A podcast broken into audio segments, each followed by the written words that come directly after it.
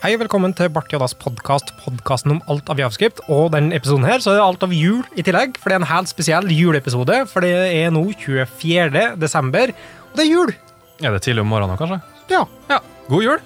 I tillegg til det faste panelet, så har vi òg en reprise fra forrige episodes eh, ordinære episodepanel. Og da er det faste panelet Marius, Hei. Christian Hallo. og meg, Mikael.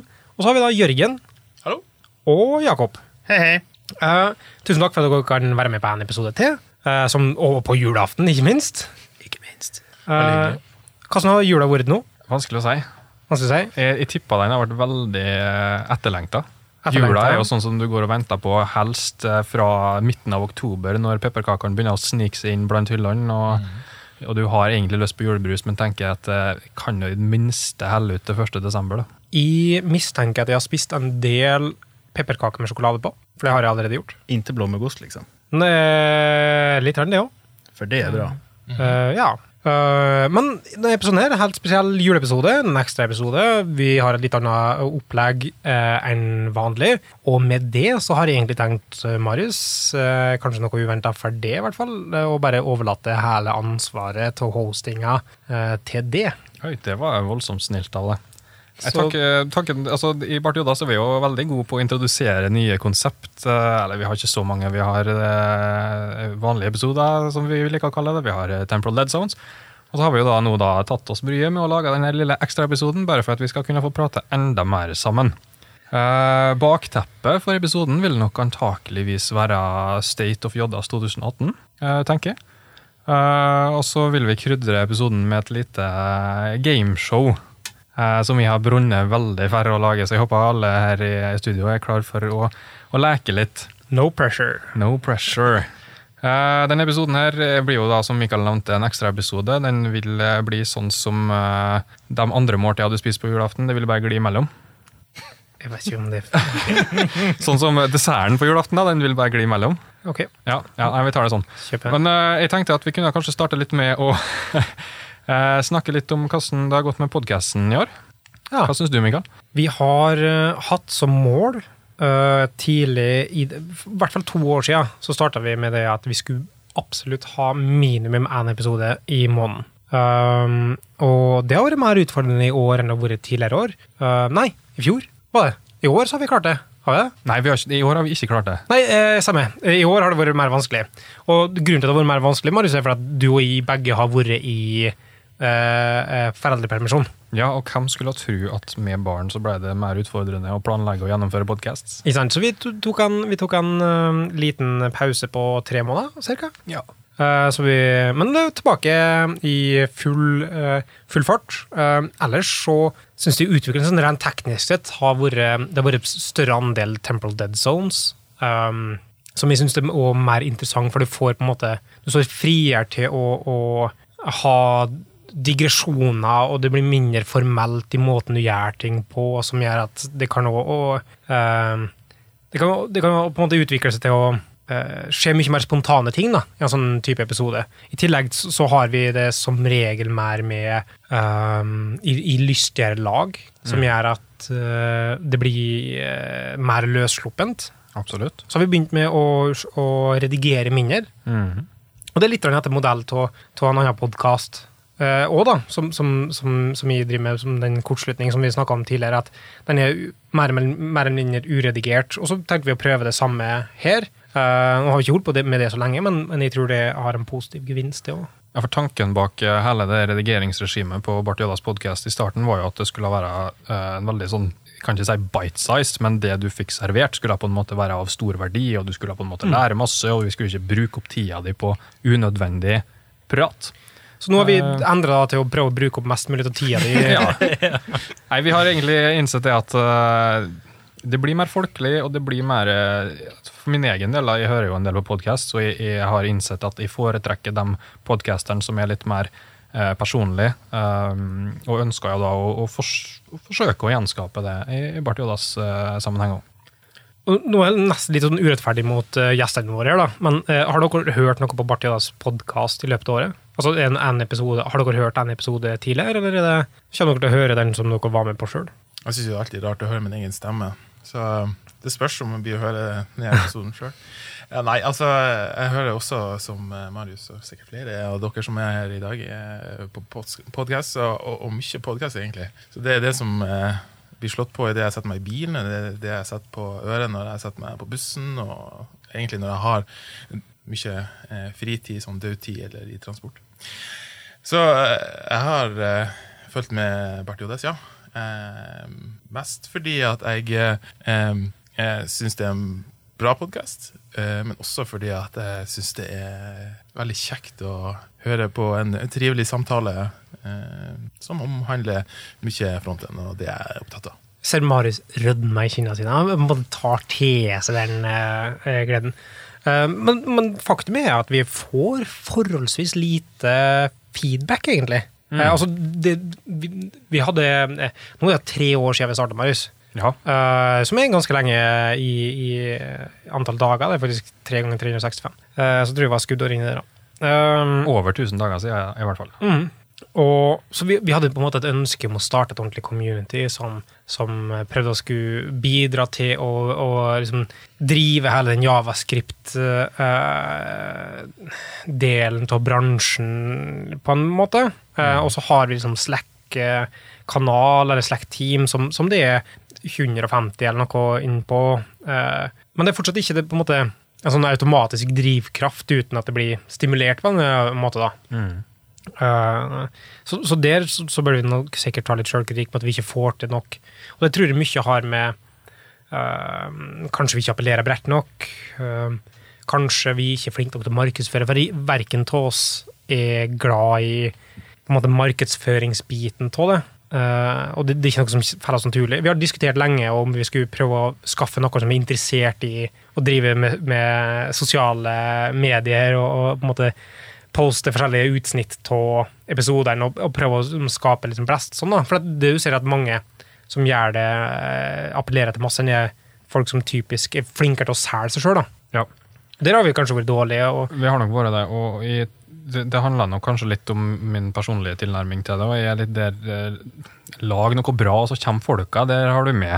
Eh, og det det kan hende det med stemmer fortsatt. da. med den mentaliteten altså, er jo ikke det her eh, så utrolig bra, men eh, jo da, jeg tuller bare. Men altså, Men- primært så, så Det er ikke det at vi det, fall for min egen del så er det ikke det at vi skal prøve å gjøre det for å eh, få mest mulig lyttere, men, men, men det som er kjekt, er at eh, med eh, at andre engasjerer seg, at vi blir engasjert på det, og så får vi representert forskjellige stemmer på en bedre måte.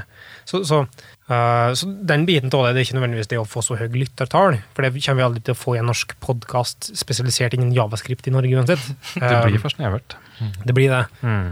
Uh, Men, Men- så er jo Bart Joddas, det er jo, det er jo tre ting samtidig. mm, Det er en tre? Ja, ok, Ja. Slack. Ja, ja. Du har eh, Bart Joddes er i utgangspunktet en meetup, Mhm. eh, og så er det en podkast. Eh, og så er det jo en Slack-kanal. The brand. The Brand. Ja, og. Eh, kan, kan jeg, altså, jeg hater jo sånne eh, eh, selskap som har et, et, eh, en open source-prosjekt og et produkt som heter det samme, og så mikser de dokumentasjonen om hva som er hva, og Ja, vet egentlig ikke hva det er du egentlig holder på med her. Så det du sier, er at vi burde egentlig rename podkasten? Nei, egentlig ikke. men, men, men for det for meg iallfall framstår som tydelig, men det er, det er samtidig tre forskjellige ting. Ja, sant. Ja. Eh, så ja. Nei, det, det, det, det er legit uh, utfordring der. Og så- men, men sånn historisk kontekst, da, som jeg, tror ikke vi noen gang har gått gjennom, som kan være artig å gå gjennom for så vidt uten å bruke for mye tid. men um, og, og der var, vi, var nå nettopp i kode24.no, Marius. Mhm. Der uh, ble spurt uh, eh, noe spørsmål om uh, hvordan da starta, blant annet. Mhm. Og da Kan, hadde kan, kan vi bare, jeg har lyst til å touche inn på den tittelen på den artikkelen. For den, den, var så, den var så fin, syns jeg. Nei, det, jeg synes noe... Jo da, for at fra et, eh, fra et uh, avisperspektiv så var det jo uh, Det fins to kodepodcaster i Norge, og Mikael er med i begge. Det jeg likte usedvanlig godt, var at det var fornavnet mitt uten noe annet Ja. som på en måte det skulle være etablert. Det, det syns jeg skulle være mangle. Men, men uh, poenget er at det snakka vi om eh, Eller det fikk jeg spørsmålet om, om hvordan Bartioda starta, eh, og så kutta de det mesteparten av den konteksten, her, for jeg tror det kanskje var en uinteressant, uinteressant historie, men her så styrer jeg det sjøl, så det kommer en uinteressant historie. Men for det, det starta i utgangspunktet med, og det, det hører jo på de tidligere episodene også, at vi skulle bestandig Vi tenkte at det skulle være gratisarbeid. At det, å starte podkasten egentlig lagde seg sjøl. For at vi hadde eh, allerede så gjorde i jobben med å få tak i speakers til meetupen. Og da tenkte vi ja, men allerede den jobben er gjort. De har allerede etablert eh, de har allerede reflektert over et tema. Kan vi ikke bare invitere dem dagen etterpå til å snakke om det de nettopp har holdt en presentasjon, så sprer vi det budskapet ikke bare i Trondheim, men resten av Norge. Ja, Tanken var jo å, gjøre meetupen tilgjengelig for dem som ikke hadde mulighet til å delta. egentlig. Det var der ideen sprang ut av. Og det fantes ingen kodepodkaster, rene pod- kodepodkaster på den tida. Så, ideen er jo fin. Det som vi fant ut etter hvert, at eh, det var vanskeligere å holde ved like podkasten i det øyeblikket det ikke ble uh, en, en meetup, eksempel. Eh, Det at ingen, uh, vi ikke fikk tak i folk til å holde presentasjoner på meetupen, så ble plutselig en flaskehals for podkasten, og podkasten er kanskje mer avhengig av kontinuitet. Så derfor begynte vi da med type uh, temporal dead zones, eh, og vi begynte med litt andre konsept eh, etter hvert. Eh, Så, så nå har vi gjort sånn at egentlig Bartidas podkast står nesten helt på sida av av selve meetupen. Altså da er en av det du bringer fram, Jørgen, mer aktuelt enn noen gang, egentlig. Det at det er fragmentert på, på en måte hva du kan forvente av det. Mm. Ikke for å stjele eh, programlederrollen her, men, men hva, hva, dere, hva dere tenker er motivasjonen deres? Hva er det som, hva dere ønsker av lytterne? Hva, hva kan vi som lyttere bidra med for eventuelt eh, å gi dere input for å forbedre, eller bare være Det som har vært jævlig Motivert. kult, og det som har vært utrolig kult med deg, er at folk har vært uenige. Eller at de har arrestert meningene våre. på en måte, For vi kommer av og til med litt flåste meninger. Det, det har skjedd én gang. Ja. Fikk jeg, husker, husker jeg jo fikk uh, noen som var uenig med noe vi har sagt, da, men det var igjen på, på direktemelding til meg. eh, Som da hadde vært tydelig, eller på en måte litt hyperbol i meninga mi. Uh, og så eh, ble jeg arrestert på det, da. Så det jo artig i utgangspunktet, og det på en måte bli eh, Møte seg sjøl i døra, på en måte. Ja. Eh, men, men bare sånne ting for Det er engasjement, egentlig. Det er det som er på en måte For det er smittsomt. Og det vi prøver på sjøl, det å spre engasjement rundt eh, språket, og så prøve å reflektere forskjellige meninger rundt det, og så er det vanskelig for at, ja, forskjellige omstendigheter. Nå er jo du eh, betraktelig mer meningsbærende enn det jeg er. eh, Så der, din, der du ønsker tilbakemelding med arrestering, eh, så kunne jeg vel egentlig bare tenkt meg mer tilbakemeldinger generelt rundt hva kan vi gjøre for å, å gjøre denne podkasten bedre. Da. For jeg tror nok både Mikael og, og, Christian for så vidt ønsker å lage den, den beste javascript-podkasten i Norge. Eh, det Med minimal innsats, da. Ja, altså Men men, men jo bare en, gi en ja. lyd, da, i det minste. Ja. Jeg tenker jo at i og med at dere er såpass eh, lavmælt i forhold til eh, det å annonsere og fortelle eh, hele verden, iallfall at dere driver podkast hele tida, er jo å oppfordre kanskje Iallfall min oppfordring er, til, til lytterne er å kanskje eh, bruke Instagram stories med hashtag bartjoddes og litt diverse.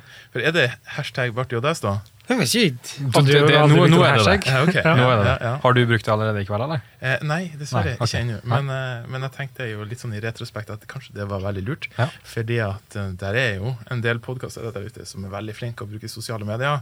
Og så er det noen bilder av eh, eh, deres favorittpodkast-app som spiller eh, podkasten. Og så er det noen godord om podkasten og eh, ja, anbefaling. Og så ser kompiser i miljøet der, og så blir det etter hvert flere lyttere. For det har jeg sett Syntax eh, har gjort, nemlig. Den engelske, eller amerikanske slags kanadiske programmeringspodkasten. Mm. Stilig. Bra forslag. En ting som vi, som vi har diskutert en del òg, og, som er trenden liksom i podkastverdenen, er nå at vi ønsker potensielt å prøve å eksperimentere litt mer med live-mediumet. Mm. Det å invitere til type live-innspillinger av podkast. Vi har hatt i, i forskjellige på Trondheim Developer Conference. Eh, men man prøver å lage det mer til som en sånn krysning mellom underholdningsprogram og utviklingsprogram. da, Der vi har Litt sånn som i dag, der vi har liksom gameshow-greier rundt det i en livesetting, Tror jeg kunne vært interessant. og jeg tror det kunne vært eh, artig å være den liksom, første i Norge som, som har en slags eh, både underholdning i form av en viss eh, viss nivå av humor som, som vi er kapable til å få til, eh, i, i tillegg til lærerike fakta. da. Jeg kan garantere at gameshowet i dag eh, ikke kommer til å leve opp til dine forventninger rundt et underholdningsprodukt som kommer ut av Barth Jodas. Men eh, la oss nå ta med det inn i framtida, i hvert fall. Men er det en naturlig Segway, eller? Jeg tror det er fint. Ja. Eh, da er det tid for gameshow, da. Kan jeg få spille av en jingle, eller? Kjør på! Yes.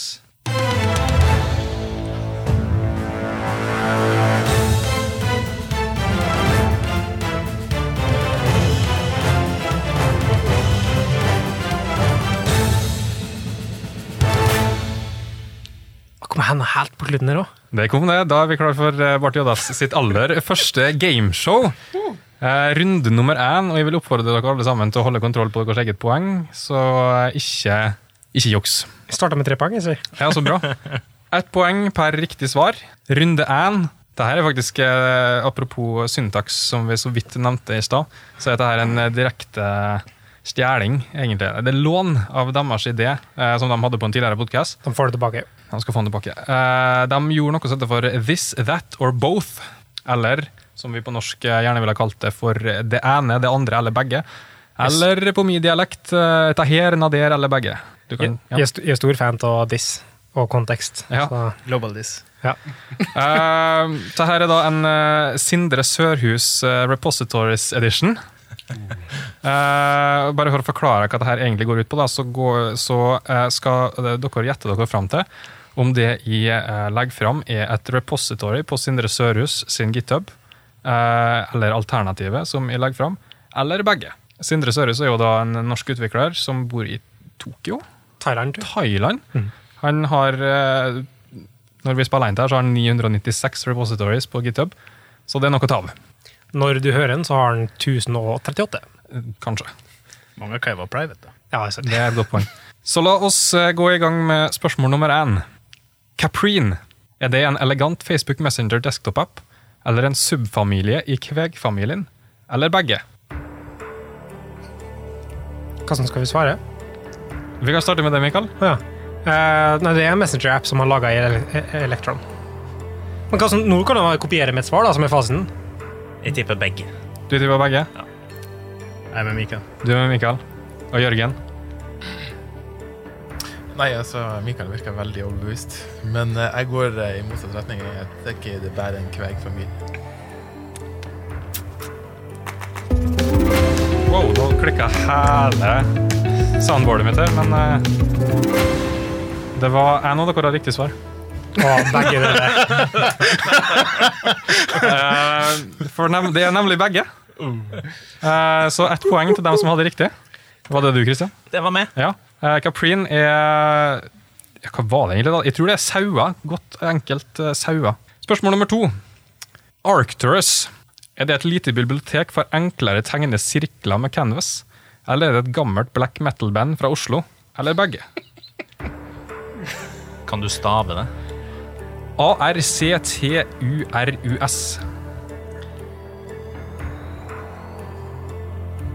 Skal vi starte med en? Du skal få starte. Jeg, jeg trodde du sto og tenkte. Nei, ja, jeg gjorde det. Men altså ehm, Det er Hvis du har kommet på det, så er det et sjukt bra navn. Hva tenker du på? Ark, Ark, liksom. Som er Ja. tegning av ja, ja, ja, ok. Eh, Jeg har ikke hørt om det. Uh, og i, av erfaring så vet jeg at den ikke bruker så ekstremt mye Den har ikke vært så canvas-aktig. Har det mer på Node-kjøret. Så jeg satsa faktisk på alternativ to Oslo Band. Et black metal-band fra Oslo.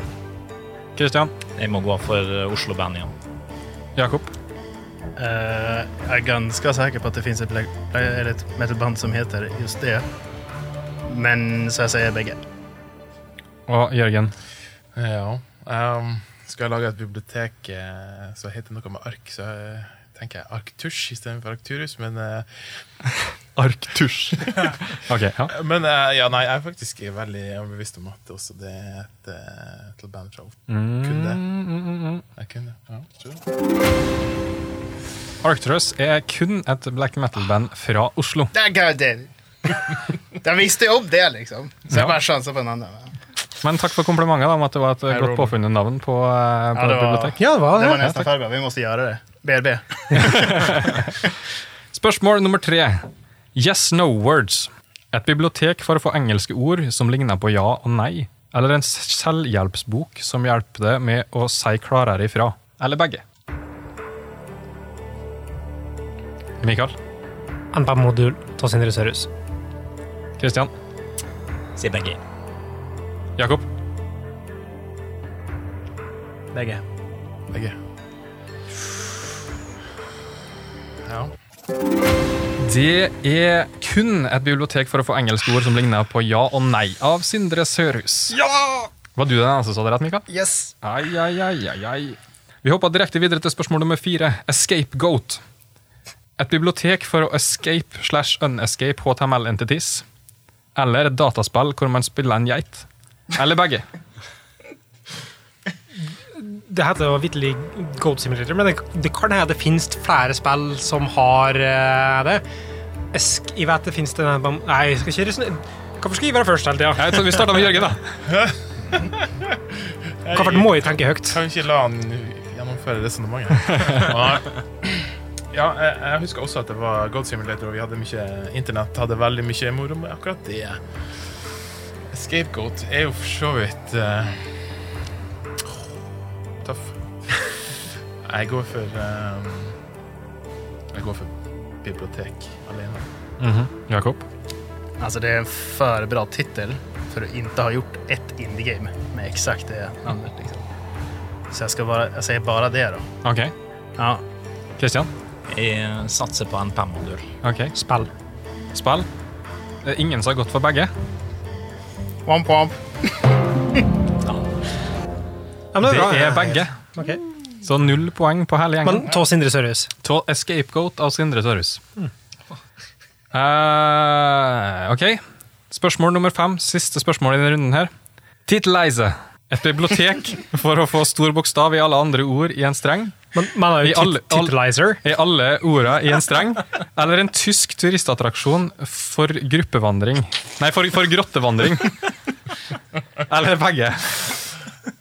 Wow.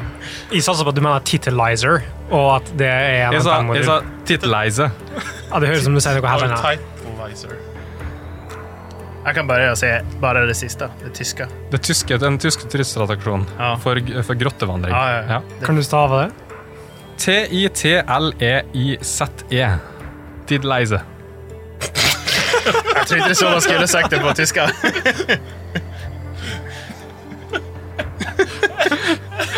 Kristian.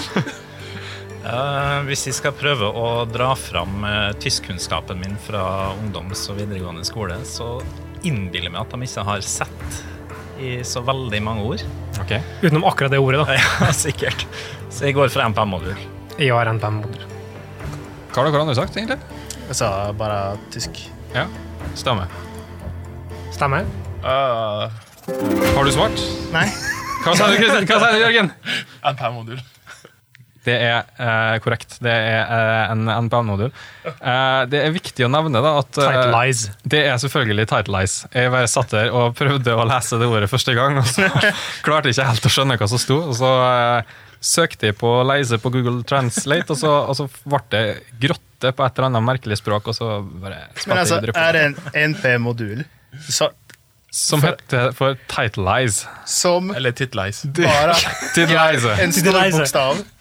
Ja, nei, altså den, den tar en streng, og så, altså så uppercaser den første bokstaven i alle ord. Det finnes Altså, grunnen, til- grunnen, til at, grunnen, til at denne, grunnen til at denne runden i quizen er litt festlig, da, er jo fordi at Sindre Sørhus eh, for øvrig er en veldig flink type, men han er kjent for å lage sånn ekstremt små pakker som gjør veldig Det er Unix-filosofien, men, men også, han har eksempel eh, IS-PNG, som bare egentlig er ei linje med kode, som bruker en annen eh, pakke, som henter ut de tre første eh, bitesa i, i en buffer for å sjekke om det er PNG eller JPEG, og så er det da is-JPEG, is-PNG og så videre, de forskjellige der. Eh, så det er på en måte splitta opp så det synger etter, og som regel så har den flere filer enn den har linjekode.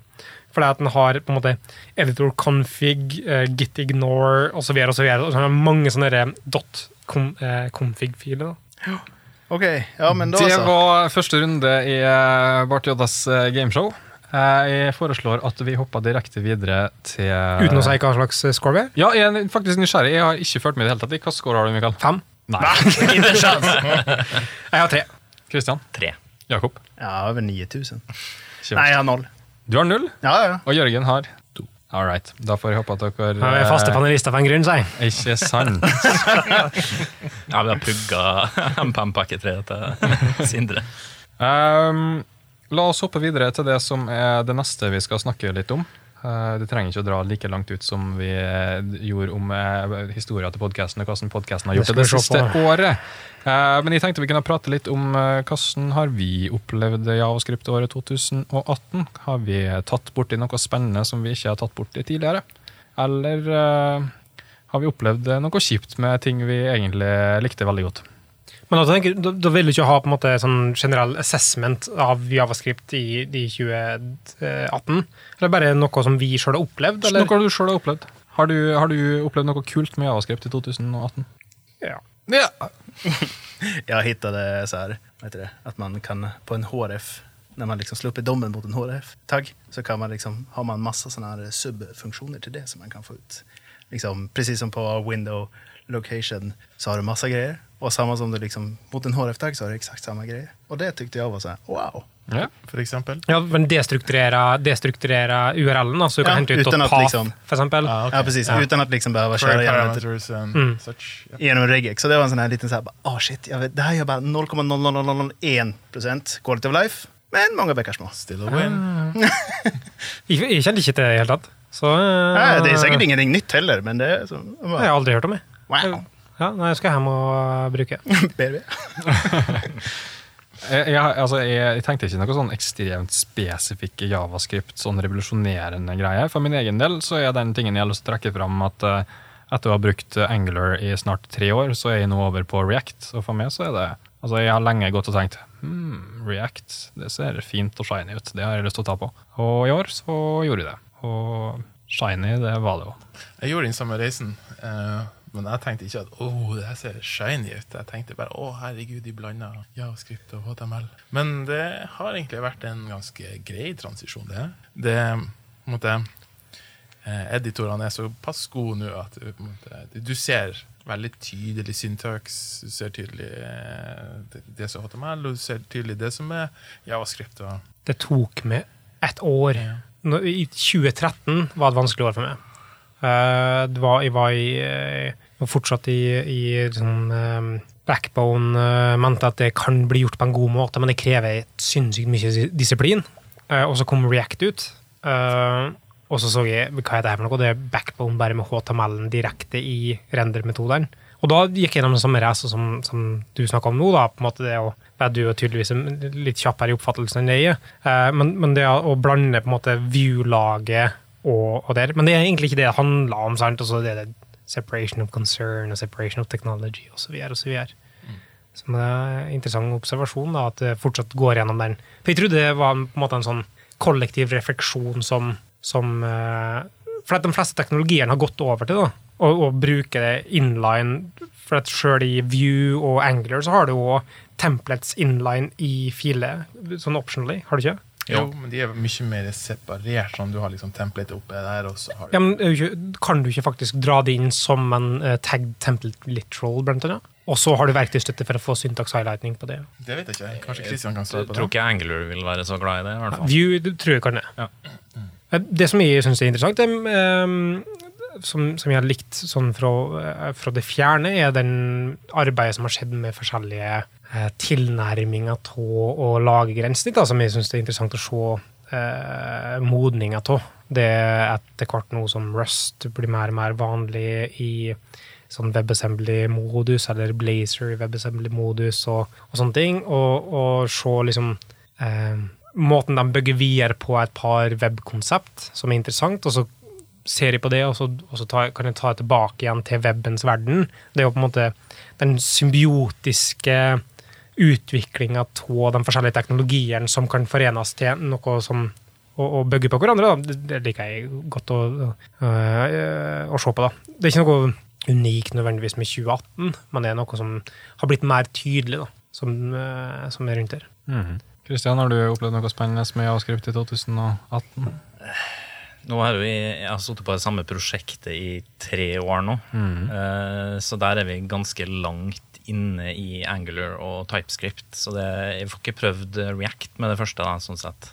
Kunne du tenkt å prøve, da? Kunne tenkt meg å prøve det på mange måter, ja, men jeg er jo litt der eh, alle dere andre tydeligvis har vært før, da, at jeg syns eh, at uh, JS6 skal, er pest, rett og slett.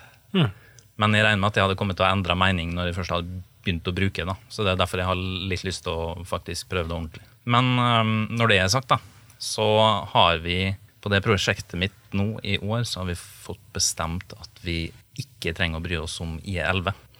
Og det er en eh, major vinn for meg, for jeg liker alt som er nytt og kult. Uh, har leita veldig masse inn på Can I Use eh, etter ting jeg kan bruke med å slenge på polyfills og sånn, men nå slipper jeg å se så veldig masse på det. da. Så jeg har brukt, tatt i bruk masse, masse nye ting, egentlig. Eh, først og fremst eh, CSS Grids. Det var ikke Javascript, men eh, det er jo web. Nærliggende på mange måter. Ja. Weben, ja. Og så har du jo andre kule ting som Mutation Observers og masse sånne kule API-er som har kommet opp gjennom åra, men som Visa kunne ha brukt fordi at alternativet til gamle nettlesere er supertreigt. Det er et par ting som er interessant på språkfronten. Eh, det er mange mer proposals som skjer. eh, mange forskjellige utforskninger. Og det er et par ting jeg tror det har blitt i år, som jeg liker. Eh, de er på overordna plan, eller på en måte. Så, så det er bare ting jeg observerer som jeg liker. Eh, og det er litt sånn utforskinger rundt partial application i eh, Javascript, som jeg er litt interessant. Jeg liker eh, det at eh, det blir u sett om det er noe path i språket som kunne vært viable. Uh, I lag med dynamisk språk og variadiske funksjoner så er det en litt sånn interessant tanke hvordan du kan bygge opp en partial application. Uh, i, I nærliggende natur så er det da med, med pattern matching. Pattern matching er dynamisk språk som ikke, stat, altså ikke statisk språk, og er en sånn interessant måte å følge med på sånn fra et språkteknisk perspektiv, hvordan det blir løst, og hva de diskusjonene er der, som vi liker eh, godt å, å se på. da. Og, og sånn Uh, Mer enn det så er det den utviklinga, kontinuerlig utvikling som skjer rundt det språket, som er jo da eh, interessant, og, og som byr på en del utfordringer, men som òg eh, byr på en del positive effekter. Kult. Jørgen, er det noe du har lyst til å trekke frem? Mm, Ja. Ehm, det har ikke så veldig direkte med, med selve språket javascript eller typescript eh, å gjøre, men, men jeg ser jo i større grad eh, bruken av eh, Docker og Docker containers rundt deployment og hele den reisen der. Eh, Gjerne initiert av eh, eh, 12 Factor App. Um, Det, det er en del år siden jeg hadde hørt om 12 Factor App. Eh, Det er en sånn artig Jo. reprise Ja, men den- her på podkasten. Ja, men den har på en måte blitt stadig mer aktuell, og flere og flere oppdager 12-factor-rap og faktisk snakker om det. Og det er på en måte ikke, det er ikke jeg som lenger tar fram tema, men, men, men, men temaet dukker opp gjennom artikler, dukker opp gjennom samarbeidskollegaer, kunder, whatever. Um, Hva er 12-factor-rap? det er et sett med um, akkumulerte best practices rundt utvikling eh, og gjennomføring av prosjekt. Eh, hele eh, lifecyclen til en applikasjon, basically. Som kanskje kan kokes mye ned til det at app applikasjonsutvikleren må bry seg om hele livsløpet. Kan vi, kan vi oppsummere det på en måte òg som eh, Roku, som, som, som da etablerte sin PAS-løsning, eh, som kom ut med en artikkel, en bloggpost som heter 12 Factor App, som gikk gjennom 12, 12 punkter for horisontal skalering, på en måte? Er det, ja. sånn, Jo, det vil jo være mer sånn to the point. ja, eh, men, men altså, med, det. du snakka om, er måte sånn mer filosofisk, på en måte? Ja, det blir filosofisk, og det der er mer konkret. Og så selvfølgelig jeg har de veldig god eh, nettsider på det her som dokumenterer og skriver litt om alle de her eh, tolv stegene, og hvor, eh, hvor de går veldig konkret gjennom de på en kort eh, og fin måte, sånn at du slipper å sitte i flere timer og studere det her. En kort lesning, eh, veldig konkret og veldig grei. Um, og igjen tilbake til det her med bruk av Docker rundt eh, egentlig deployment av webapplikasjoner og datalaget og diverse. Så, så jeg syns det har vært veldig spennende, for at eh, eh, 2018 har vært året hvor jeg har dykka veldig, og kanskje litt for langt ned i GraphQL og økosystemet rundt det. Du har jo motsvarighet til bare JavaScript-grejer også, som er site. Bare sleng opp om du vil ha det enda enklere enn dere. Liksom. Enda mer lightweight. Det tror jeg Mikael har en uh, Nei, ok. Vi, Kjepphest, ja, vi, vi, har, eh. vi, en, vi har en diskusjon. Uh, Det, det er ikke en kjapp hest. Jeg bare sier at uh, de har nå gått over til uh, versjon 2.0, okay. som har gått over fra en eh, Og vi prøvde med sånn thought leadering eh, Twitter-tråd i dag. Hva Hvordan gikk det egentlig? For jeg så den, og så var det, var det, kom det noe respons? Ja, André, da, som Oi. eh, svarte. Som Kompisen din, André. Stals? André Stals, ja. ja. nei, men eh, de har gått over fra å eh, være hosta på en generell AVS-løsning, til å bli nå utelukkende hosta via AVS eh, Lambdas, altså functions, som betyr at du har gått fra en, en general purpose-type hosting service, som er ganske eh, konsis og bra via CLI-verktøy, til å bli nå bare et av lite subsett av applikasjoner som kan hostes via det, eh, på grunn av at det er ikke alle eh, applikasjoner som kan modelleres eh, hensiktsmessig i en function-app, av at du har cold starts, du har begrensninger til bundle sizes osv. Så, videre, og så, videre.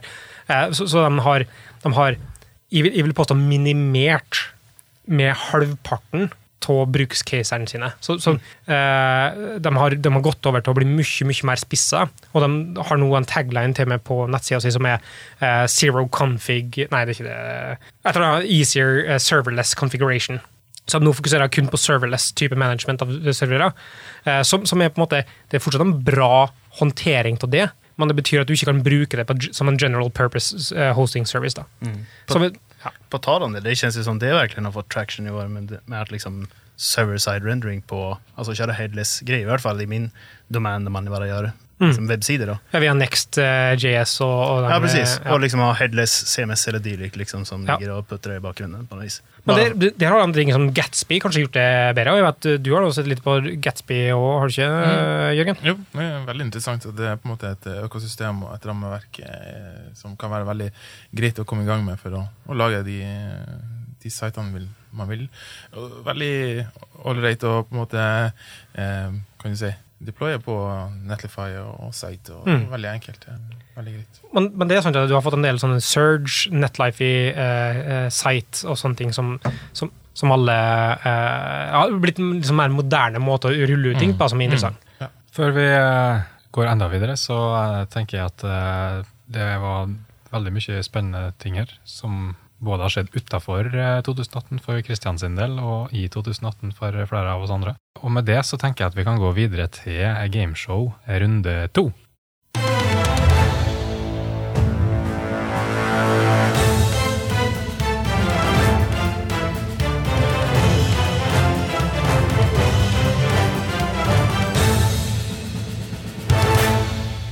All right.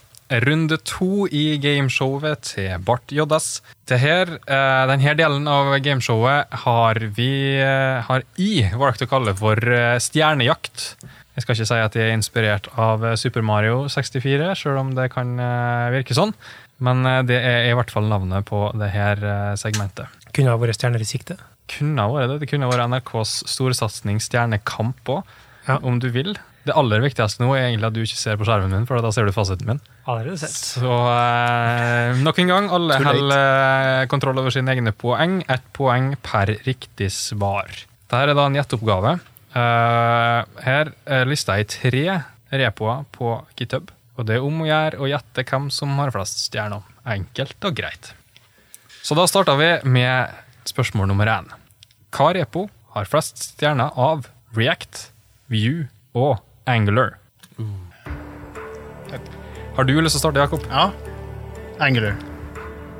Husk det dere svarte nå, sånn at dere ikke glemmer det. Jørgen, Oh, jeg har vært og sett litt på, eh, på nemlig denne statistikken, eh, men det begynner å bli sikkert over et halvår siden. Men da var det litt kniving der med eh, View, og jeg vil sette en liten knapp på View, altså. ok. ok. Kristian, Jeg satser også på View. all right. Så kommer vi med fasiten, som er React. Okay. Min, min, min argumentasjon er at Angler er så jævla gammelt jämfört med de andra. Så på grunn av at det er gammelt, så har det mange stjerner. Ja, tenk om det er alle versjoner, så kanskje liksom så. Ja. Vi kan gå til fasiten.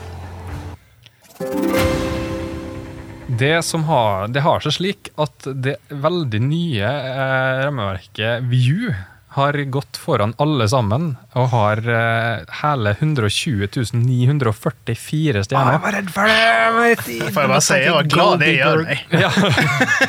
Ved podkastens innspilling så har de det, altså. React kommer på andreplass med 116 846.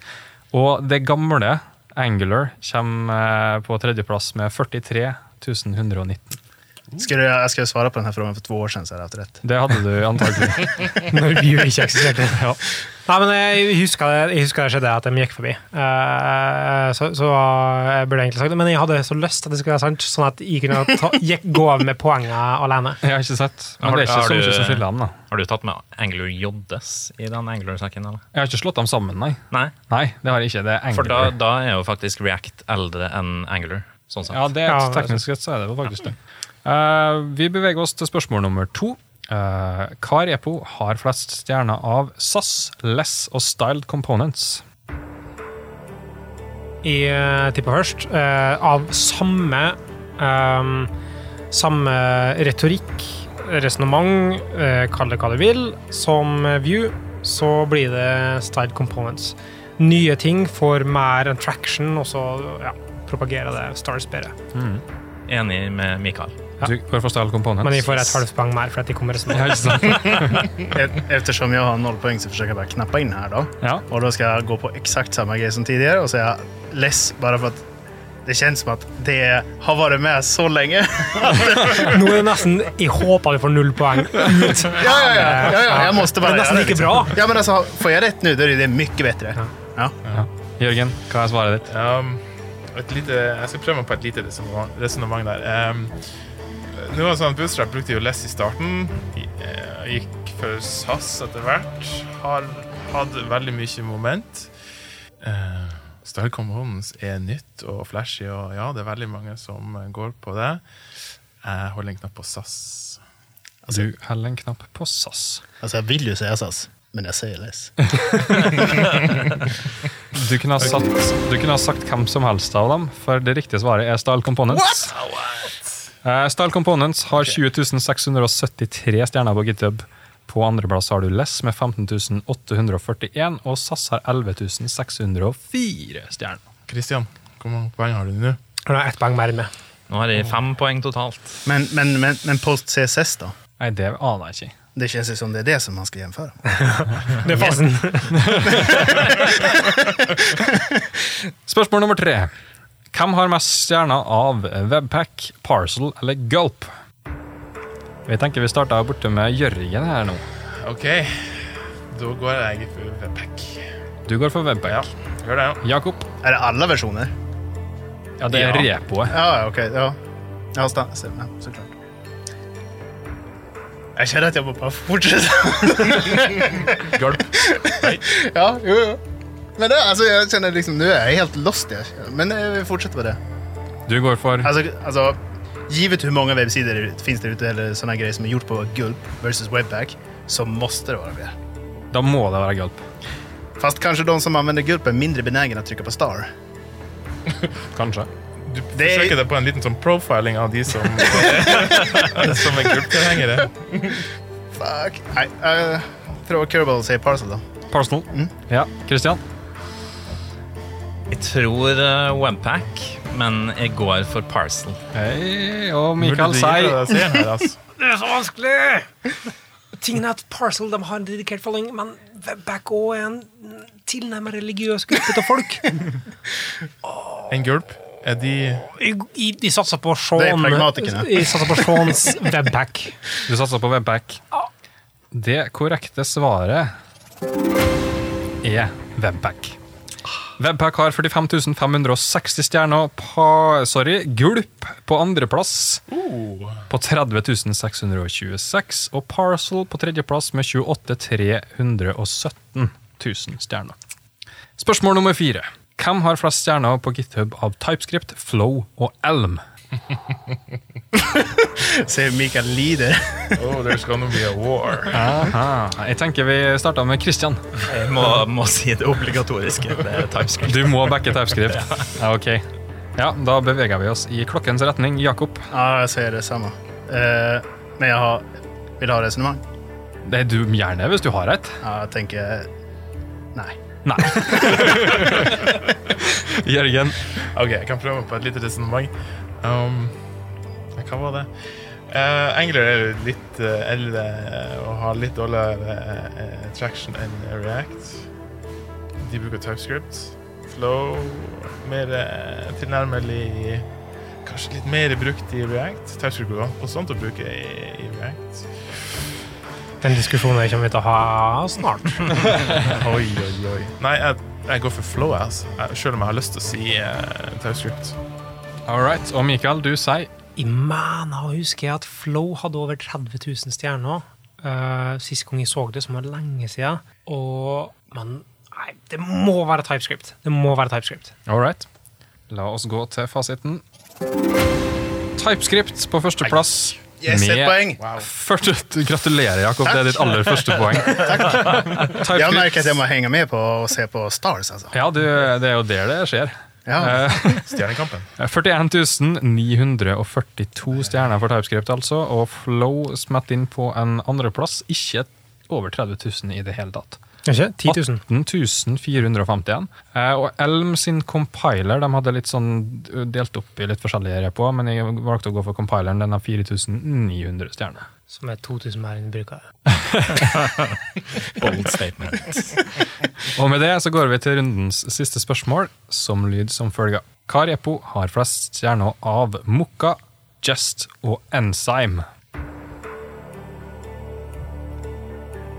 Jakob.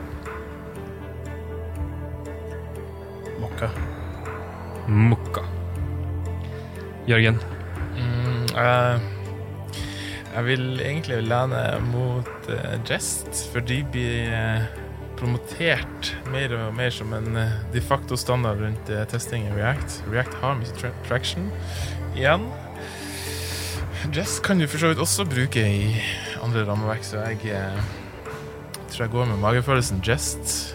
All right. Svar avgitt. Mikael. Uh, Mokka vet de av Altså by fact at det er det mest brukte. Eh, det er flest som bruker Mokka.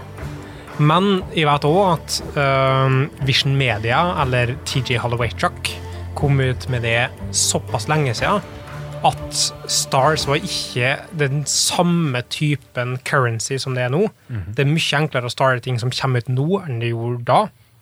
Jest har vært aktiv, og de er populære. Eh, det vet de med nedlastinga òg, fordi de bruker en av pakkene mine. uh, og Enzyme igjen, de er, de er React-spesifikke, mens Jest er egentlig general purpose. Selv om de er tilrettelagt for React, så jeg tror det kan appellere til Nei, jeg går for Jest. Du går for Jest. Ja, jeg Er du sikker? Nei? Kristian, hva sier du? Jeg går også for Jest. Du går for Jest. Og det korrekte svaret er jo da Jest. Jest har 21 990 stjerner på GitHub. På andreplass har vi Mokka med 16 726. Tredjeplass ikke så forferdelig langt bak. Enzyme på 15 911 stjerner. Det som egentlig er trist, at de fikk rett fire til fem.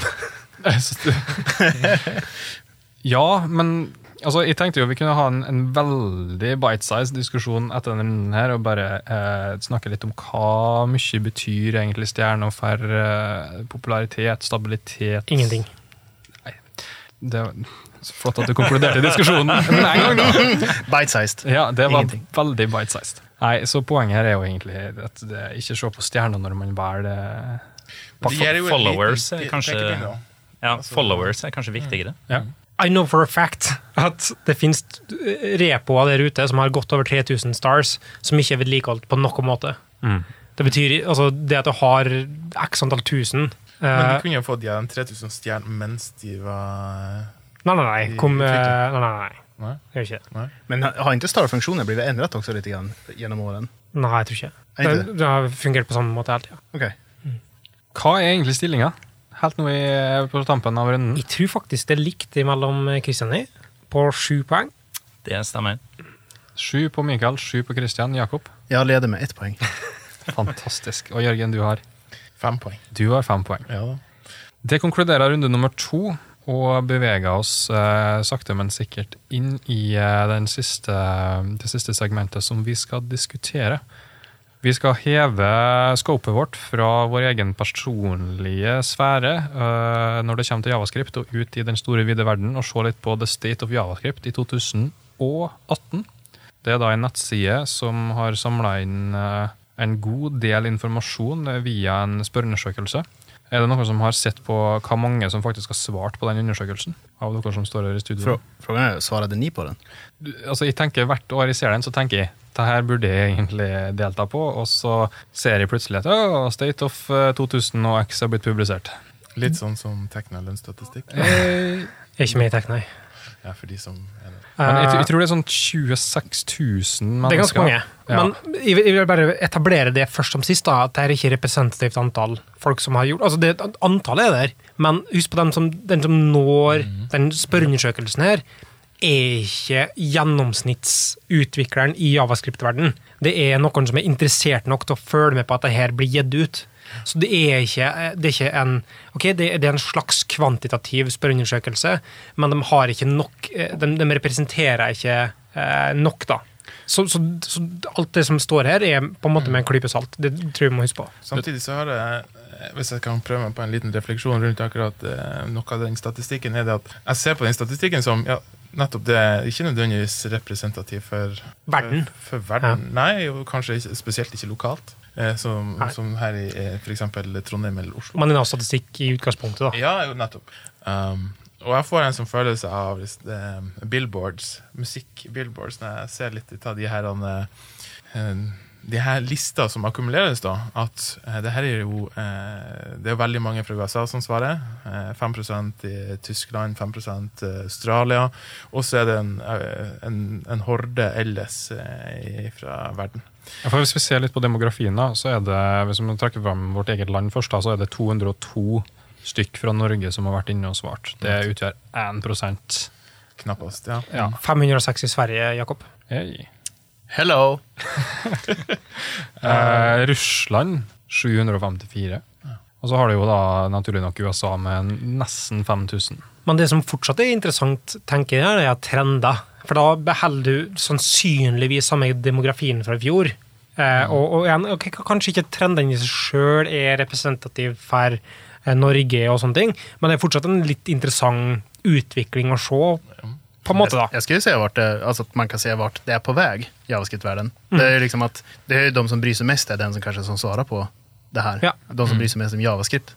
Samtidig så merker jeg jo utrolig godt på confirmation bias. Altså, jeg, jeg leste her og så bare Ja, det var det jeg mistenkte! Ja, det jeg skjønte! Ja, ja, ja. Og det er deilig å se at liksom, Ja, å, jeg, bru- jeg har satt meg inn i teknologien som, som er her er på topplista. Ja, ja. Win. Men vi ser sikkert på forskjellige gevinster og, og. Ja, nettopp. Ja, ikke sant? Men, men det er også for å fullføre den, den, eh, den tanken der jeg hadde, at eh, selv om det her på en måte er en statistikk fra hele verden, og noen land mer representert enn andre, og noen kanskje er interessert i andre ting enn en, enn, ja, andre, er, gjør at statistikken og, og resultatene tar det nødvendigvis ikke representerer Oslo eller Trondheim. Eh, ja, det, det er rett og slett Det her er er en popularitets Det er akkurat det Statistikk, er. eh, og, og så kan man liksom ta det for det det er. Eh, men jeg vet jo bare etter å ha vært eh, konsulent i en del år, at eh, sjøl det som er veldig populært i, i Oslo, var ikke nødvendigvis like populært etterspurt i Trondheim på et eller annet tidspunkt. Eh, blant annet var eh, det veldig mye React-prosjekt i Oslo, og så var det mer Angular-prosjekt i eh, Trondheim. Det har selvfølgelig endra seg med tid, eh, men, men sånn, sånne varianser vil kunne være. Og hvis for de eh, unge lytterne av eh, podkasten lurer på hva det er slags rammeverk de skal satse på i framtida, så er det selvfølgelig et vanskelig spørsmål, som ikke nødvendigvis har et veldig enkelt svar. Men jeg husker det at når jeg spurte mine eldre tech-kompiser om hvilken Linux-distro skal jeg installere, da var det enkle svaret installer en Linux-distro som kompisen din bruker, for da kan du få hjelp.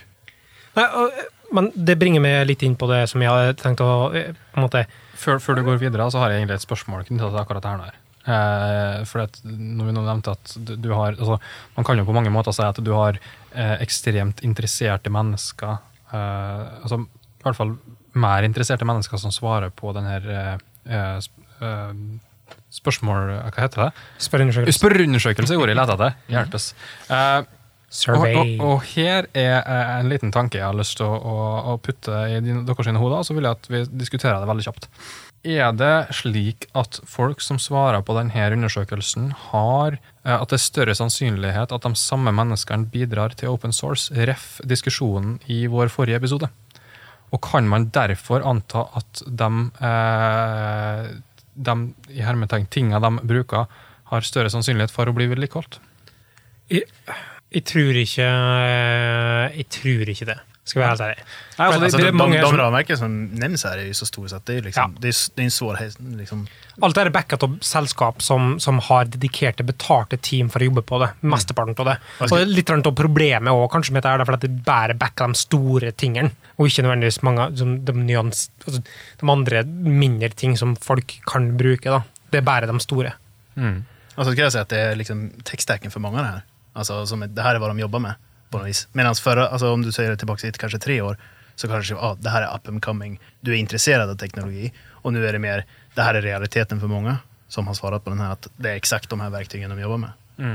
Men jeg, jeg tror fortsatt at eh, mange som er så dedikert, er fortsatt ikke eh, bidragsytere til open source. Heller nesten det motsatte. De har kanskje til og med større forventninger. For at de er på en måte såpass de på en måte med på utviklinga, de har så mange meninger, de, har, de, er, de er connected med utviklinga. eh, Så de tror de har en title til meninger, men ikke til å bidra til det. Så jeg, jeg tror ikke det er noe overlapp der. skal jeg være helt ærlig. For du, du bidrar jo vesentlig til open source. Ikke Mikael. m- mer til mine egne greier enn til andre sine greier. Jeg prøver til andre sine greier, men, eh, og hvis jeg blir eksponert for det, så prøver jeg.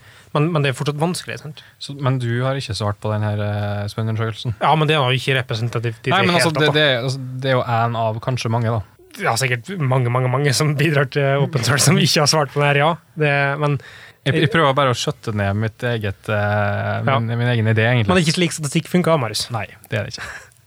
Men det jeg hadde lyst til å si i- innledningsvis, eller um, rundt det med rammeverk og sånn, da, det er at uh, det er en ting som er uh, ganske sånn nesten Nostradamus-aktig sa i en presentasjon på Javazone i 2016, er at nå har vi vært Det har bestandig vært en sånn pek til, til uh, IT-verden, og i hvert fall frontend-verdenen, at det, det lønnes ikke å satse på en spesifikk teknologi, for den endrer seg i morgen. Men nå, de siste to åra, så har det ikke utvikla seg nesten i det hele tatt. Vi har de samme rammeverkene som vi har for to år siden. Vi har de samme De ser du eh, rista litt på hodet, og så nå nikker du, eh, Jørgen. Men så, hva, hva med de store rammeverkene som folk bruker nå? Det er noen outliers, men for det meste, sånn massen i, i seg sjøl, det har ikke endra seg i det hele tatt på, på flere år.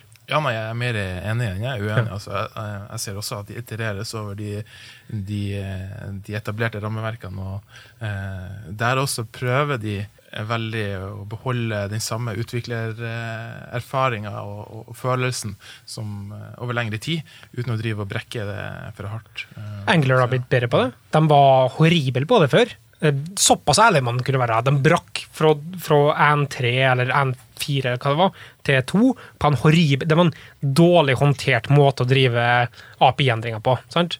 Ja, altså det, det var jo et helt nytt produkt. De burde egentlig ha kalt det noe Ja, annet. og de det, gjort det, det gjorde de jo på, en, på et vis, Ja. og de sløyfa JS.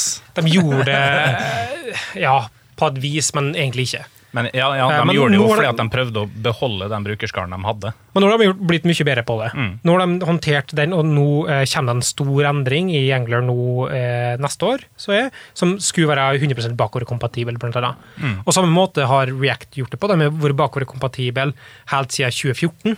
All kode som du kunne brukt. sant? Så det har vært mye mer fokus på sånne type ting. Um, så så den, den, måte den der spøken om at rammeverk eh, byttes ut hver uke, eller at fronten endrer seg, den, den vi her og nå offisielt legger død. Og tenk på at dette er en, et, et, eh, et, eh, et økosystem som bestandig har egentlig hatt mye fokus på bakoverkompatibilitet, som er også relatert til det som vi snakket om med nettlesere tidligere.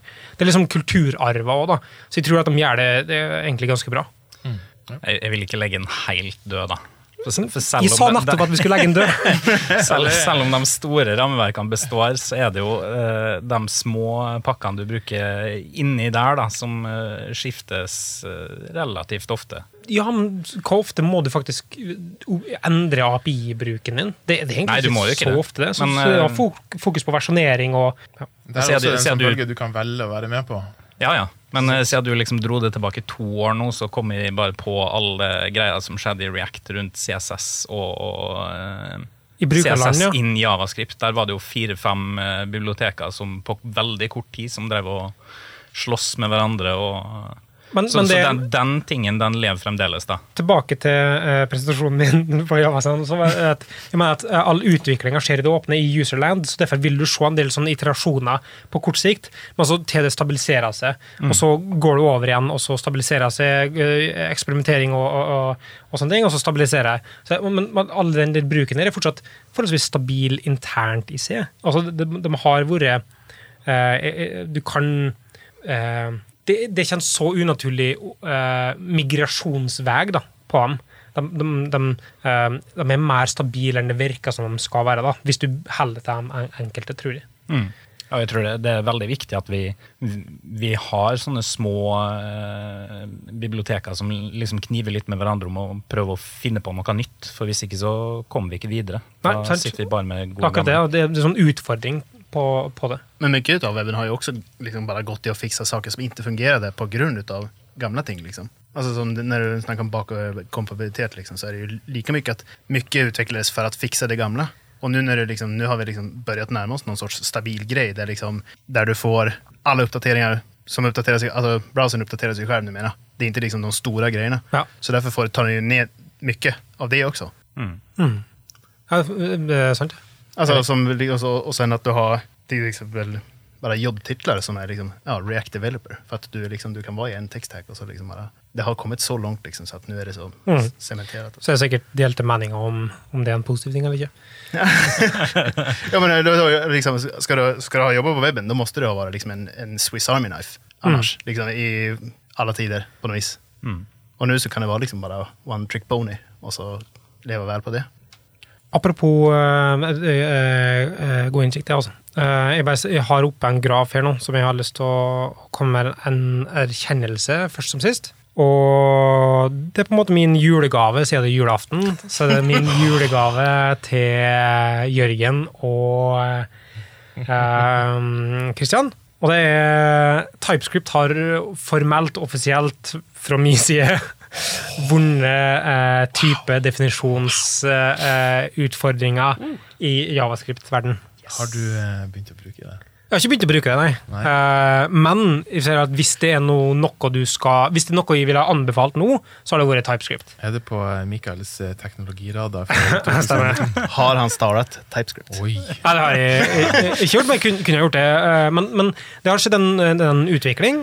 De, de har adoptert en del interessante typer formaliteter som jeg liker, som har gjort at de har tatt igjen gapet til det som jeg syns var det positive med Flow. Eh, i rundt uh, den litt mer avanserte type uh, sånn ML-arva type måte å tenke på, i stedet for den objektorienterte måten å tenke på, som gjør at det har blitt interessant. Flow, som var den store utfordreren med at de hadde den ML-perspektivet på typesystemet, de har falt helt av. Det er dårlig håndtert open source, det er mye brittleness som foregår der, og det er vanskelig å anbefale det til et langvarig prosjekt, sånn som det er nå. Og da er det TypeScript som har på en måte tatt den kampen helt fint. Og, og det er reflektert i, i spørreundersøkelsen her, for det har jo gått opp fra eh, at nesten, fem, nesten 50 av dem som har eh, svart på undersøkelsen her, likte TypeScript og vil bruke det igjen. Som er utrolig gode tall, da. Ja. Et eh, greit testament etter det. Er det noen andre som, sett, som har sett noe i State of Jodas som de har lyst å trekke fram? Jeg, jeg var litt overraska når vi, eh, jeg så på den her Connections-sida, der de viser en sånn der uh, Jeg vet ikke hva det er for slags graf engang. En sånn eh, relasjonsgraf? Ja. ehm, og der antar jeg at uh, tjukkelsene på disse her ehm, Eh, altså, er- er- er- sektorer kalles det i en sirkel. Ja. Ja. eh, I hvert fall at tjukkelsen på dem eh, tilsvarer mengden bruk, da, på en måte. Skorpa på pizzastykket, rett og slett. Sektorer på en Ja, eller altså, jeg mener egentlig eh, ikke, ikke skorpa på pizzastykket, men streken mellom, eh, mellom to pizzastykker. Ja, sånn er det. det Sånn. Ja, ja, ja.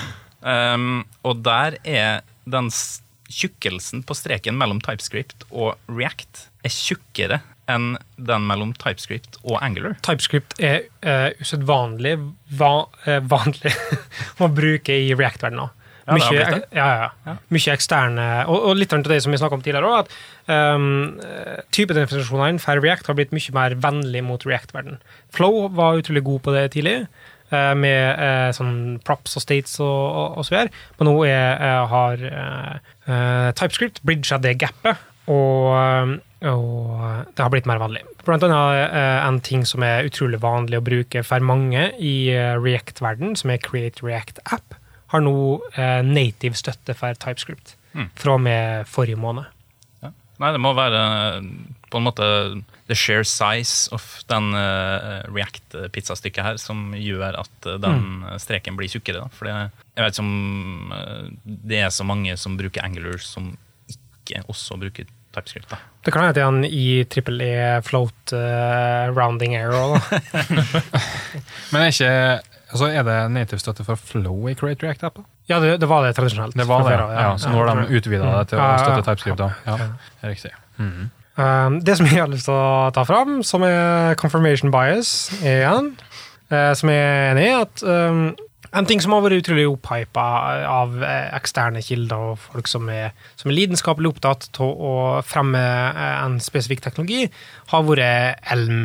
Eh, og nå har vi begynt å sett i spørreundersøkelsen at det har avtatt. Og det er en av de få tingene som faktisk har redusert i popularitet. Mens all, nesten alt i, i spørreundersøkelser har gått opp i popularitet, for at den generelle overordna trenden er at folk er mer fornøyd med frontend, state, state of frontend. Uh, mens Elm har da gått ned fra, eh, fra 33% som eh, heard of it, would like to learn, til 29 uh, og fra 29% på heard of it, not interested, til 42% heard of it, not interested. Så flere har hørt om det, men flere er også uinteressert i det. Og eh, færre har sagt at de har brukt det, og vil bruke det igjen. Og det er en sånn typisk klassisk tegn på en, en hype som har hatt en liten peak, og så er på vei ned i, i et eller annet pit of uh, despair, eller et eller annet, jeg husker ikke, det er uh, Gartner sin uh, hype-kurve. Um, men det er interessant at vi har kommet på det tidspunktet. Samtidig så ser vi noe tilsvarende for Reason, som er på mange måter sant, en, en uh, tilhørende teknologi. ML-dialekt, bare litt mer pragmatisk. Eh, Den er da i, i en, en hype-kurve som er på vei oppover, så de har forhøya verdier av hvem som er interessert i det, pga. andre som, som går rundt og, og promoterer den teknologien i stor grad. Så vi forventer innen, eh, kanskje ikke neste år, men året etter der igjen, at den vil se tilsvarende nedovergående kurve på, på den teknologien. Og det betyr ikke at verken eller er eh, ikke er interessante teknologier. Det er bare at de får en sånn ekstra boost i, i hype-verden som gjør at de eh, kommer kunstig fram i det. Og hvis vi ser også i sånn som Elm, så ser vi at f.eks. Norge er høyere enn snittet av resten av verden. Og det er fordi vi har vært aktive stemmer som har prøvd å promotere Elm i, i stor grad i Norge, som, som på en måte da har slått ut på det, vil jeg tro. Som òg igjen, når det er bare 200 stykk som har svart på spørreundersøkelsen i Norge, så får eh, et, et sånt løft, hvis det er noen som har en agenda om å gjøre noe mer populært, vil det få stor eh, innvirkning på en sånn type spørreundersøkelse. Jeg ser jo også man kan, man kan gå inn på de ulike frontend-rammeverkene, altså eh, Angler og React osv., og, så videre, og se på grunnene til at folk både liker og ikke liker den, det rammeverket. Der føler jeg nesten litt at disse der, eh, disliked aspects må ta med en ekstra stor klype salt. At det kanskje er en rekke utviklere som eh, for et par år siden så på den her, det rammeverket her og tenkte nei, det her var eh, veldig komplekst. Og så har de bare svart det på den undersøkelsen her eh, resten av årene på en måte etterpå. Kanskje. Jeg føler i hvert fall det, det gjelder på den Angler-saken her, så føler jeg det gjelder eh, på enkelte av punktene i hvert fall. Fast changing and breaks often. Det føler jeg ikke representerer Dårlig inntrykk er vanskelig å snu, da. Ja, nei, jeg, jeg, jeg, er skjønner hva jeg mener. Men, men Angular var jo det jeg hadde lyst til å trekke fram her. da, for at jeg er jo enig med det du sier, Mikael.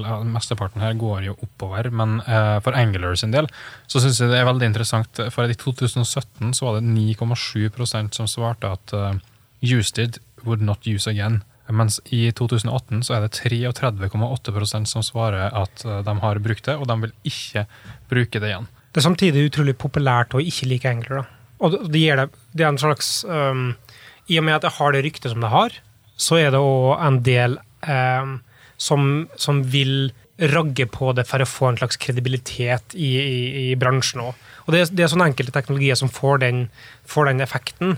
Hvis det har begynt å gått i en slags ned, nedovergående kurve, så er det enklere å slenge seg på den bølga og komme med negativ feedback på det, og ikke anerkjenne den positive siden som det går av. Så jeg er ikke overrasket over den utviklinga i hele tatt i Angler-verdenen, egentlig. Men, men altså, jeg må fråga, for ni ju mer innsatt, Men hva, altså, når han kommer den der det som ändrade för mycket, det var väl egentligen då det tog av med att ogilla det på något vis. För att det gav liksom så här, ganska mycket eld under...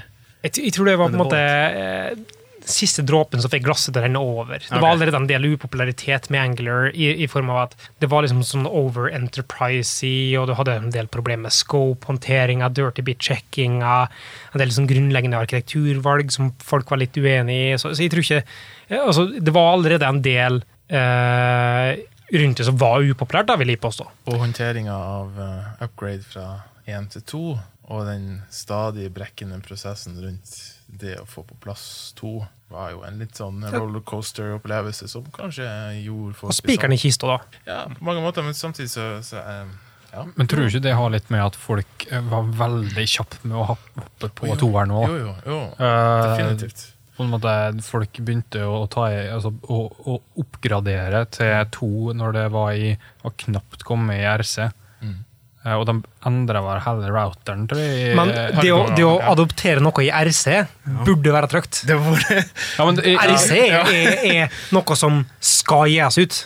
S- De, problemet var at de hadde sagt at RC var alfa-release. Altså, De behandla RC som om det var en alfa. Ja, det var en av de faktiske Ja. problemene. Og jeg var i det tilfellet eh, at jeg satt og utvikla en app sammen med en som heter Dag. Eh, og da var vi gjennom denne rollercoasteren med å, å på en måte erstatte en del biblioteker fortløpende og brannslokking for å få på en måte Angular til å fungere. Og vi ville jo selvfølgelig i løpet av prosjektet lande på en final 2.0-versjon. Men gud bedre med vel, det var en reise, altså. Um, ikke det at vi hadde ekstreme smerter, men det var unødvendig, unødvendig tidsbruk. Og det var vårt for så vidt valg, og Ja. dermed også vår feil, eh, kan du si. Men som Hadde sagt- Semver, hadde Semver blitt fulgt Ja. på en god måte, så hadde det ikke blitt like ille som det det Nei. eh, ble. da. Vi gikk inn med den trua at RC-en var litt mer stabil enn det det viste seg å være da. Ja. Nei, jeg, jeg føler sjøl at vi, man kan ikke klage når man tar i bruk uh, alfa og beta, i hvert fall. Da. Sånn som jeg gjorde på mitt prosjekt. Vi, vi starta tidlig alfa og var alltid klar over det at det her kommer til å koste. Men vi bruker samtidig noe som kommer til å vare i mange år, da. Mm. I forhold til å begynne nytt prosjekt på Angler JS, som egentlig var dødt i hermetegn den gangen. da. For jeg gjorde det stikk motsatte, nemlig. For jeg, jeg, eller jeg tror kanskje ikke Angler var kommet like langt som det var når du starta ditt prosjekt, men jeg valgte å gå for Angler JS, og brukte forholdsvis mye tid på å skrive om til Angler 4 på det tidspunktet, da, fra Angler JS. Ja, men det, det, altså Som vi sa tidligere, det er egentlig to helt forskjellige rammeverk, og det burde aldri ha eksistert en upgrade path. Eller de burde aldri ha lovt en upgrade path, eh, egentlig, for det er eh, vanskelig å få til. Og nå har de vel eh, innsett at det ikke gikk, og så har de prøvd å lage det er vel noen sånn upgrade-greier der du kan få både Angler JS og Angler 7 til å eksistere på samme side, da, uten at de klabber og babber altfor masse med hverandre. Er det noen som har lyst til å trekke fram en siste ting før vi beveger oss videre her? Er det noen som har sett noe interessant i, her, eh, i denne spørreundersøkelsen som fortjener å bli belyst? Nei, jeg tror vi har snakka om det meste. Igjen, eh, jeg ville ha sett på en sånn type undersøkelse med en tredjekvarts øye. eh, Og tenkt at eh, det er noen interessante ting her, men jeg ville ikke ha styrt teknologiske valger basert på en sånn type undersøkelse. Det ser jo atter en gang. I fjor også så var GrafQL veldig høyt oppe på lista over ting man har lyst til å se på, lyst til å prøve ut. Og det gjelder akkurat det samme i år. Så det er kanskje en teknologi som er på vei opp, og som en eller annen gang kommer til å bli en standard. Muligens. Ja, eller noe som kommer til å deflate igjen og Ja. ikke være så hypa neste år. Det kan hende. Kanskje vi står her på noenlunde samme tidspunkt neste år og kan adressere akkurat eh, de to uttalelsene. Vi får se. Det beveger oss egentlig veldig naturlig videre til det siste segmentet i denne podkast-episoden, som allerede er på vei til å bli eh, Bart Joddas podcast sin absolutt lengste episode. Men hva gjør vel det når man har hele jula på å høre gjennom den? Uh, aller sist vil jeg nevne at uh, du finner alt det vi har snakka om akkurat nå på stateofjodas.com. Det er definitivt verdt å stikke innom og se, for det er veldig mange interessante grafer der. og man det er veldig mye data her som de har aggregert opp i veldig mange forskjellige flotte grafer som, som gir et overblikk. Interessant at man har brukt rød som agree og grønn som disagree. Det er for så vidt et veldig godt poeng. Bra UX. Skal vi kjøre jingle? Jingle litt.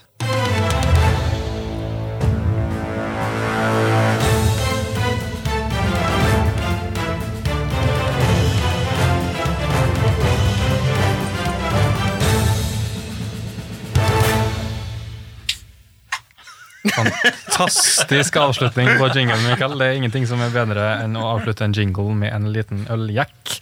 Vi er klar for Bart Joddas podkast sin quizrunde nummer tre. Eh, Den siste quizrunden det her året. Jeg kalte det vel egentlig et gameshow, så la oss gå med det.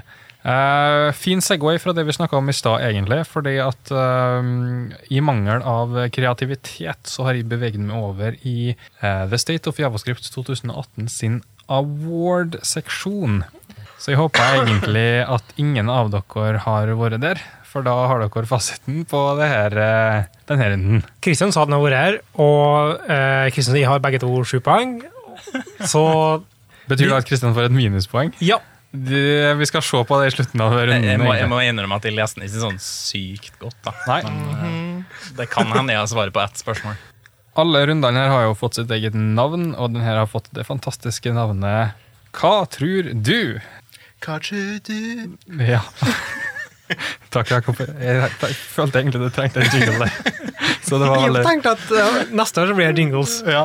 Egenlaga jingles. ja, jeg tror vi må, Hvis noen der ute som hører på der har eh, et snev av musikkferdighet her, så trenger vi jingles til neste års eh, gameshow. Da har vi sagt det. Jakob er vokalisten. Ja. Stille frivillig. Spørsmål nummer én. Hva vant Highest Interest Award? Kristian, Der må jeg si GrafQL. Du tror det, altså? Jeg tror grafikeren. Jeg også. Jørgen. I og med at jeg hadde en talk om GraphQL i 2018, så er jeg programforplikta til å si GraphQL. I believe. All right. Eh, I og med at jeg har vært så urutinert og ikke før opp Har Jakob sagt sånn Svarset? Han, Ja, han ropte GraphQL Ja, ja. rett etter Kristian, Ja, så må jeg inn og se sjøl. De har implementert sånn veldig flott sånn snu-animasjon på, på nettsida si her. Det var den jeg så mest på. For å si det det gjør det. Eh, så la oss se her, da. Highest Interest Award går til GrafQL. Det er poeng til hele gjengen. Kan vi, bare Før vi går videre, kan vi oppsummere poenget her nå? Mikael, du har nå Åtte. Kristian, Det samme. To. Jakob du, og Jørgen. Seks. Du har seks poeng. La oss gå videre til spørsmål nummer to. Hvem vant Highest Satisfaction Award? Jakob. Du, eh, du vil svare, eller var det rammeverket? Ja, jeg, vill, jag vill svara. Jag vill svara. Ja, okay. Får jeg bonuspoäng for at jeg svarer snabbest? snabbast då? Eh, du kan få et halvt poeng. Ekstra? Et halvt poeng ekstra. Okej. Vi er rausere i dag. okej. Ja. Skal jeg svare? ja, vær så god. View. View. Highest Satisfaction Award, altså. Kristian? Jeg må innrømme, før du sier det, så vet jeg det. Jeg Du vet har, jeg har sett det. Ja. Ja, du gir ikke minuspoeng. Ah, Enda, enda, enda. Jeg syns, eh, jeg syns View var et eh, veldig godt forslag, så jeg tror jeg satser på det. Ja. Du går for View. Mikael. Nei, nei, nei, Jørgen først. Jørgen først. Be my guest. ja. Nei, altså, jeg eh, kjente jo egentlig på eh, det å ha lyst til å svare view sjøl. Før Jakob sa. Det har jo noe med det her med, med hypen og mest stjerner, så det kan hende det at eh, ja, Kombinert med ja, litt sånn confirmation bias og litt sånn her Yeah, we're doing it. Så kanskje view, ja. Mhm. Og Mikael. Da må jeg komme med fasiten for tredje gang. Kanskje nå har jeg faktisk rett. Nei, Jeg har sagt det to ganger før, og jeg har bestandig hatt feil. Eh, men jeg tror det er faktisk vi skal i testrammeverkverden, og vi skal til Jest. Oi. Spennende. La oss flippe kortet og se hva som står for Highest Satisfaction Award går til Just. Shit! Med 96,5% av brukerne. De sier at de er villige til å bruke Jest igjen. Du skulle ikke sagt noe, du skulle bare gått med det. Ja, jeg liker ikke å lyge. Ja, for nå vet vi at det er juks. Det, Det er ikke juks, i Han får ikke det. poeng det, det, det viser runner-ups her, da, og det kan hendes at det er Graf Så det, Ingen andre sa Graf bare så- La oss ta spørsmål nummer tre. Hvem vant Prediction Award? Hva betyr det? Hva, hva da? Da må vi bevege oss inn på nettsida og se hva som står om prediction. Uh, prediction Award er awarded to an up and coming technology that might take over or not. Kristian. Det ene som detter inn i hodet, det er gravkveld. Ok, Jørgen, hva tror du? Det er naturlig, da. Grafikal. I, i å si. Ja, jo, altså, det er på mange måter det, da, men eh, ja. Why not? La oss eh, kjøre på med det. Tre på GraphQL. Dette er sjansen din til å dra fra, Jakob. Nei, det er sant. jeg kjører på samme. Du kjører GraphQL, du òg? Ja, hvorfor ikke? Nei, hvorfor ikke? La oss eh, snu kortet og se hva som står. Der står det Reason. Ja, det kan jeg ha sagt. Du tok feil eh, jingle. Det skal være feil. Fæl jingle? Ja, for så vidt. Vi Fæl kan- jingle? Fæl jingle. The Facebook team is two for two with React and GraphQL. Will Reason follow the same path? Dun, dun, dun. Vi får se. The year of uh, reason. Nei, 2018 da, på mange måter. Nei, vi skal ikke gå inn i det. Spørsmål nummer fire. Nest siste spørsmålet. Eh, hva vant Most Used Award? Ja, men nå må det være view. Jeg tror det. Ja, Ja. Backbone. underscore. Nei uh... Du går for View. Ja. Jakob går for View. Kristian? Mokka. Mokka. Jeg går over for Mokka. Du går for Mokka. Er det tre for tre på Mokka? Eh, jeg skal ikke si GraphQL, men um, um, View. Du går for View. Jeg gjør det. Det er et par gjengangere her, føler jeg. Men la oss så. Most used award. Most used. Most Awarded to the technology with the largest user base. Det burde egentlig ikke komme som en overraskelse, men det riktige svaret er React. What?! Jeg var sikker på at det var måka. Jeg mente at jeg huska fra at jeg gikk av meg. Det er ikke engang på runner-up-lista. Nummer to er Ekspress, og nummer tre er overraskende nok, egentlig, med tanke på diskusjonen vår tidligere, Angler. Nei, men Engler er mye brukt. det. Ja. Men det er veldig mange som bruker det, bare ikke så mange som er fornøyd med det. De svarer ikke, de svarer ikke på undersøkelsen. All right. Skal vi, ok, Før vi går til siste spørsmål. Poeng, poengstilling. Mikael. Uh, ni. Kristian. Åtte. Har du det? Nei, er vent da. Tre pluss fire pluss to. Jo, du, du, fikk, du fikk ett poeng Ja, så- ja. på, på den, det jukset. Oh, Nei, du har juksa like mye som meg! Jakob, hvor mange poeng har du? Hæ? Hvor mange poeng har du? To. Fikk du et halvt poeng i stad, eller? Nei. Nei, ok. Jørgen. Seks. Seks poeng. Så det som skjer nå, da, er jo egentlig det siste spørsmålet er avgjørende for om eh, Mikael vinner, eller om det blir likt mellom Mikael og Kristian, egentlig. La oss gå til spørsmål Jeg vil bare si at jeg er usedvanlig nervøs. Du er det? Ja, jeg, jeg, jeg, jeg, jeg har aldri vunnet en quizrunde i hele mitt liv. Da har jeg klart å få til noe ekstraordinært her, for det, da får vi se. Spørsmål nummer fem. Hvem vant Special Award? Og det er mellom Nå vil jeg høre litt eh, resonnement her, fordi at greia bak Special Awarden er den er awarded to a technology that we just fell in love with this year. Nå vil jeg høre litt resonnement, folkens. Resonnementet mitt er Jeg husker når uh, State of JS kom ut, at de la seg gjennom den sida der. Tidlig 90-tallet. Nei, når den kom ut. I, oh, ja, i forrige I uke. år. Okay. I, I forrige uke. Og da tror jeg faktisk at jeg mener å huske, men det er ikke sikkert jeg har rett. Hvis du har lest det, så vil jeg at du skal svare til slutt. Ok, Greit. Da, da setter vi det på vent. Men altså, jeg, jeg leste det når den kom ut, og så det er lenge Altså, det er Ja, så det er ikke ja. Tror du at du vet det, Ja, okay. så tar du til slutt. Kristian, Jeg veit det. du vet oh. det. Jakob. Jeg har, jeg har lest det nyss. Jørgen. Nå har vi holdt på så lenge at nå må vi starte jinglen på nytt. der. Special award, ja, nei Det er veldig masse å velge imellom. Det er jo alt fra rammeverk til Hvis du skal trekke- Kanskje en person til kanskje et verktøy til Ja. Jeg kan, eh, spoiler alert, det er ikke en person. Hvis du skal trekke fram et eller annet i 2018 som du har blitt eksepsjonelt glad i, hva trekker du fram da? Jeg føler det var et veldig sterkt hint, da. Et veldig sterkt hint eh, kanskje mot eh, Tuling. En grav. Ja, det kan være det også. Det kan være Graf Kveland. It's a trap. It's a trap, okay. Um, Elitograph. Eh, jeg, jeg tenker jo fort på, på mm, Nei, jeg, jeg går for Graf Kveland. Du går for Grand QL. All right. Jakob, hva går du for? Nei, jeg kan jo høre neste. det. Ja, men altså, Nå har dere alle tre hørt det her, så nå må Har dere, én har svare dere først. juksa, alle tre? Nei, altså, jeg, jeg, Hva er tror, greia? jeg tror det er mest fornuftig at jeg tar det først, for at jeg er ikke sikker på mitt svar. Eh, Ok. men, og, og Christian er sikker, og, og Jakob har nettopp lest det. Riktig. Så da er det mest rettferdig at jeg tar først. Og jeg mener jeg husker at det var det som hadde fått s- flest svar utafor eh, de oppsatte alternativene. Og da var det en state management-system for View, så heter det da ViewX. Ok.